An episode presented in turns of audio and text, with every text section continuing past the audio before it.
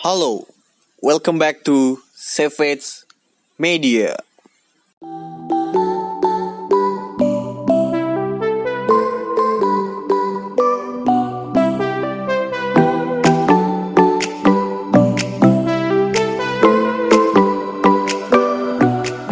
Hai, ketemu lagi dengan gue Fikri. sama gue juga Chandra Eh, ke pada episode kedua ini kita akan bahas mengenai isi dompet ya. Jadi gua sama Chan ini punya eh, pemahaman yang sama tentang hal mengatur hampir sama Iya. dengan hal mengatur keuangan, tapi kita sebenarnya mungkin punya persepsi berbeda soal sebenarnya isi dompet yang ideal itu untuk Iya. apa aja gitu. Iya.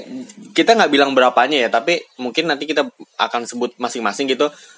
Dan kita akan sharing-sharing bareng kalian. ya kan Eh, karena sebenarnya emang isi dompet sesuai kebutuhan juga kan Betul. jadi relatif masing-masing orang jadi tergantung lu juga Hmm. jadi jangan patokan sama isi dompet gue atau isi dompet Fikri untuk lu bisa misalnya nabung ya Iya. kalau misalnya kebutuhan lu banyak dan itu relevan ya silakan Iya, karena gini, gua udah singgung juga di episode pertama kalau memang eh, isi dompet itu sebenarnya nggak harus banyak karena gini, kita sekarang itu udah ada di zaman yang serba canggih. iya Kalau misalnya HP lu udah ada pakai data dan ada m bankingnya, Mm-mm. itu menurut gua lu nggak bawa dompet juga nggak apa-apa. iya Mungkin isi dompet lu hanya identitas, Iya. KTP, Iya, bener. SIM, atau mungkin lu punya kayak uh, flash yang buat naik. Kalau kalau gue ya tiap hari Iya, apa misalnya kayak naik MRT, Iya, naik iya. kereta dan lain-lain gitu. Mungkin itu yang itu itu aja gitu yang diperluin.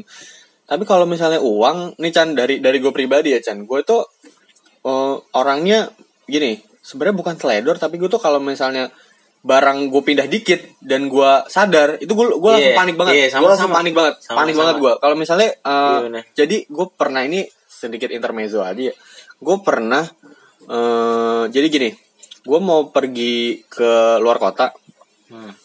gue itu eh, datang ke rumah saudara gue iya dan di situ tuh gue nih namanya pergi ke rumah saudara pakaian gue biasa aja gitu Iya, gue pakai celana pendek biasa lah gue pakai celana pendek pakai sendal gitu bawa tas nah gue terpaksa karena bawa bawa suatu barang gue akhirnya naik grab car Hmm. Nah, karena Grab car gua gua gua udah siapin uangnya di kantong jaket gua, aman dong. iya iya benar Nah kan, gua nggak buka-buka dompet. Ternyata dompet gue jatuh di mobil itu. nah, eh, di situ tuh eh gue tuh langsung apa ya, langsung ngerasa panik karena apa? Di dompet gue itu waktu itu isinya ada uang sekitar satu juta lima ratus lah. iya Eh, ya kan. banyak juga sih. Heeh. Nah, nah eh, itu tuh itu ya emang gara-gara gini ya. Gue tuh kalau mau jalan-jalan ke mana pun pasti ketika hari pertama ditentukan gue mulai menabung, iya iya ya kan? Oke. Karena terlepas nanti pas di hari jalan-jalannya gue dapat uang berapa gue nggak peduli, yang penting gue udah punya pegangan. iya oke Kira-kira buat makan di sono ada lah gitu. Iya. Nggak usah gue kalau jalan-jalan gini, gue tuh orangnya bukan mikirin gue bawa oleh-oleh apa ya. Yang penting gue puas dulu lah gitu. Iya, Iya bener. kan, yang penting kan diri gue sendiri dulu ya. Puas dulu gitu karena orang tua gue sendiri pun kalau gue ke mana-mana itu tuh nggak pernah minta nanti bawain oleh-oleh Iya, nggak iya, pernah nggak pernah gitu juga karena Iya. mungkin gue juga kalau mereka pergi gue juga nggak pernah menuntut harus dibawain Iya, oleh-oleh apa gitu kan gue. nah kembali lagi masalah gue kehilangan dompet gue di situ gue mulai mulai mulai mulai sadar kalau memang oh iya isi dompet itu nggak boleh banyak-banyak ya gitu kan hmm. dan itu kecerobohan yang kira-kira gak bakal gue ulangi lagi lah ya Iya. ngapain gitu kan gue bawa, bawa uang cash dalam jumlah yang relatif lumayan lah gitu Iya, kalau iya. buat cuma jalan-jalan Ah. ke dalam negeri gitu bawa ATM juga menurut gue gue bodoh juga di saat Iya, itu gitu kan. bener. gue bodoh juga. Bener. apalagi sampai jatuh. Untungnya dompetnya kembali akhirnya. Hmm, karena gue langsung apa cekatan langsung laporan ke grabnya. Akhirnya pertamanya apa namanya akunnya diblok Iya. dulu. Buat kalian yang kalau misalnya dompetnya hilang saat apa namanya eh, berkendara dengan kendaraan online nggak usah takut langsung hubungi aja. Nanti mereka tang- tanggapannya cepat kok soal-soal kayak gini nanti drivernya diblok dulu. Tapi kan itu panik parah sih. Gue kalau jadi dra- panik banget. drivernya diblok dulu. Eh, terus habis itu apa namanya nanti baru kita konfirmasi sama drivernya mungkin by by phone atau gimana. Oh ya jangan lupa kalau misalnya naik kendaraan gitu eh, walaupun dekat atau jauh lu pastiin lu telepon dulu nomornya. Karena Hmm. bagi gua ketika nanti ada kayak begitu-begitu lu bisa tahu iya, nomornya iya, itu iya, siapa. benar. itu nomornya siapa Benar sih. gitu. Nah, iya. Gitu kan nah eh, balik lagi soal i- hal itu yang membuat gue waktu itu panik tuh karena gini Chan gue KTP gue belum jadi waktu itu Ah. jadi yang ada cuma kartu pelajar gue Iya. yang ada cuma kartu pelajar gue dan ketika gue nantinya harus naik pesawat ya ditanya Iya. kartu pelajar gue kan Iya, iya benar. untungnya untungnya waktu itu eh, di dompet eh di dompet di apa namanya di tas gue itu ada fotokopi resi KTP Oh, akhirnya gue iya, bisa iya, lanjut iya, iya. kalau enggak gue nggak bisa itu panik juga sih gue waktu itu Duit satu juta lima ratus coy. Di satu juta lima ratus. Hmm, ya sebenarnya iya bener sih zaman sekarang dompet. Iya. Dulu ketinggalan dompet juga emang sebenarnya bukan masalah duitnya kan, Iya. masalah masalah lu identitas dan lain-lain. Sekarang Iya. orang tuh kehilangan dompet mikirin itunya sih. Iya. Kayak, Iya emang ada ATM-nya juga sih, cuman kan kalau ATM bisa lu lu bisa blokir blokir, langsung buat baru Iya. kan juga bisa Nggak kayak orang dulu orang dulu kan duit cash kalau dompet hilang hilang Iya. aja gitu Ah. udah nggak kayak sekarang kan Iya. makanya emang kita bakal ini ngomongin kira-kira isi dompet yang ideal tuh yang ideal Ah. untuk masing-masing pribadi ya iya mungkin eh, dari gue dulu ya Chan Hmm. gue tuh merasa bahwa sekarang ya duit di dompet gue itu ada uang merah seratus ribu satu Iya. dan recehan 2000 beberapa itu ya udah cukup buat Iya, gue iya. karena gue tuh tipe orang yang gini ke mana-mana gue selalu gue selalu udah memperhitungkan gue bakal keluar uang berapa Iya benar. karena gini gue tuh udah ngukur ya memang gue nggak bisa ngitung secara matematisnya ya gue keluar bensin berapa Iya, banyak iya, iya, bener. ya kan gue gue nggak bisa ngitung kilometer per hournya berapa tapi gue tuh bisa kira-kira oh kira-kira kalau gue isi bensin segini motor gue ini atau mobil gue ini cukup berapa lama Nah, gitu benar. ya kan untuk jarak segini jauhnya gitu Iya. gue udah bisa kira-kira dan asal bensin udah aman menurut gue ada uang seratus ribu aja udah cukup buat gue Hmm, di ini karena gue kan sekarang udah ada m banking dan lain-lain menurut gue itu udah mudah banget Iya benar. Ya kalau gue juga gue juga hampir sama sih. Kalau Hmm. gue yang penting ada lima puluh ribu satu, Hmm. ya terus ada recehan kayak ceban-ceban atau lima ribu lima ribu itu udah cukup banget buat gue Iya. malah itu bisa kalau misalnya emang gue lempeng-lempeng aja nggak ada apa bisa dua hari itu duit Iya. duit segitu dua hari tiga hari karena Hmm. kebutuhan gue juga sebenarnya nggak banyak banyak banget kebutuhan gue sekarang gitu loh cuman emang banyakan orang aja suka banyak banyakin kebutuhan iya benar bener kan baik lagi ini soal eh, pola pikir dalam memanfaatkan uang ya gitu Iya, makanya kalau gue bahkan nanti kalau lebih jauh adalah lebih jauh nih ya gue punya jumlah uang ideal yang menganggur di ATM ibaratnya gitu Oh, loh oh, nanti kalau iya. kita udah bicara investasi segala Iya. macam itu kan uang kerja Iya. nanti ada lagi tuh uang ideal yang nganggur buat lu untuk sampai kebutuhan Iya. untuk sebulan misalkan Iya. begitu jadi ini kita isi dompet dulu Hmm. nanti ada lagi tuh Eh, jadi menurut gue emang kita harus mulai nyortir nyortir atau komit deh gue hari Iya. ini pakai berapa gitu Hmm. itu komitmennya di situ iya terlepas dari kejadian-kejadian yang emang mungkin harus ditoleransi kayak ban bocor buat bocor gitu kan siapa siapa yang mau Iya, juga siapa kan yang mau cuman untuk kebutuhan lo yang konsumtif Iya. untuk diri lu ya lu harus komit misalnya habisin berapa begitu loh Iya. Dan terlep ini tadi singgung masalah kendaraan juga karena gue juga merasa gini asal lu punya duit seratus ribu bagi bagi gue ya terlepas Iya. ban lu nggak robek menurut gue itu masih cukup sih Iya, masih masih cukup. masih masih cukup sih Eh, apa namanya soalnya gini nggak banyak juga ATM itu berdekatan dengan ya tempat tambal ban dan lain-lain gitu. Atau tempat terkena lu terkena musibah. Iya juga kan lu nggak bisa nggak bisa nggak bisa nyari juga ATM itu ada di Iya, mana gitu. ah, benar.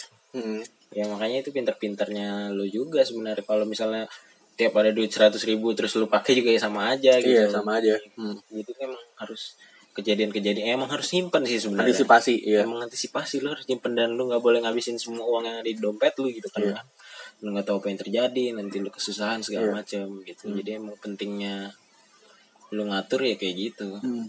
dari si dompet Iya, dan terlebih lagi ya takutnya kehilangan gitu-gitu ya. Iya, takut Kalau uh, gua kan tadi sempat cerita itu kehilangannya gue masih bersyukur itu di kendaraan online yang punya server cukup besar gitu. Iya. Jadi mudah dihubungi. Iya, benar. Bayangin aja kalau lu tuh hilangnya kayak di stasiun, wah itu Nah, udah duit lu udah itu udah- lenyap, udah udah lenyap, lenyap, udah lenyap. iya dengan Hmm, udah ya udah lenyap aja udah iya. Kalau apa? Kalau mungkin gini ya sekarang tuh nggak usah bawa apa namanya nggak usah bawa dompet juga nggak apa-apa gitu yang penting HP lu HP ada lu paket ada, iya. datanya gitu udah Itu udah, udah aman. aman. udah aman udah aman benar gitu di, jadi di sini sebenarnya kita bukan ngajarin irit ya tapi kita tuh eh, berusaha untuk sharing tentang cara hidup hemat yang ideal tuh Iya. gimana sih begitu Iya, cara hidup hemat ya bukan berarti lu susah-susah juga. Enggak. Terus lu lapar lu nggak makan nggak Enggak, ada gitu. enggak, enggak jadi kayak gitu. memang ngatur uang lu itu untuk cukup aja cukupnya gitu loh. Iya, karena ya memang kalau kita ngomong masalah hidup dan ini ya dan keinginan, ya emang semua manusia itu nggak ada cukupnya. Iya, benar, Nggak usah nggak usah soal duit deh. Kayak misalnya gini, kayak misalnya kita kayak misalnya gue sama Chan ini bikin podcast, pasti kan ada nanti di suatu titik di mana kita merasa gini, ah kayak podcast nggak kembang-kembang. Iya. kayak effortless lah gitu. Iya, kita udah rekaman misalnya seminggu berapa kali dan Iya. kita kita konsisten apa uploadnya berapa seminggu berapa kali tapi kok segini-segini aja Iya, gitu iya. nggak ada perkembangan gitu mungkin nanti bakal ada yang kayak begitu-begitu Nah, benar emang karena itu juga sebenarnya emang itu masalah yang di mana pun bisa lu temuin gitu loh. Dari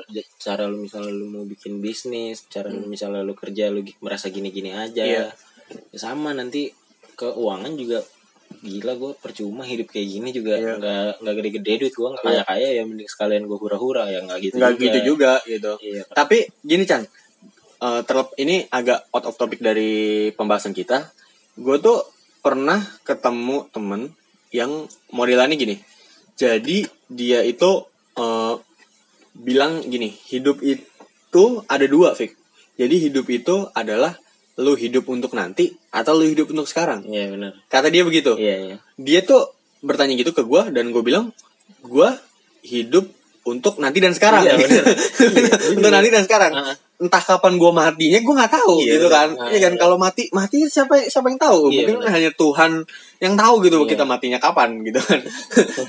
Tapi kalau masalah keuangan itu menurut gue lu juga mesti punya simpanan sih. Iya. Lu mesti punya simpanan gitu. Karena banyak orang yang mikirnya gini kalau misalnya kita mikir nabung sampai jangka panjang kita nggak menikmati hari ini. Banyak banyak orang mikirnya gitu khawatirnya, Khawatirnya itu gitu. ya. Wah, nanti percuma gue misalnya gue hemat-hemat terus tiba-tiba gue mati. Iya.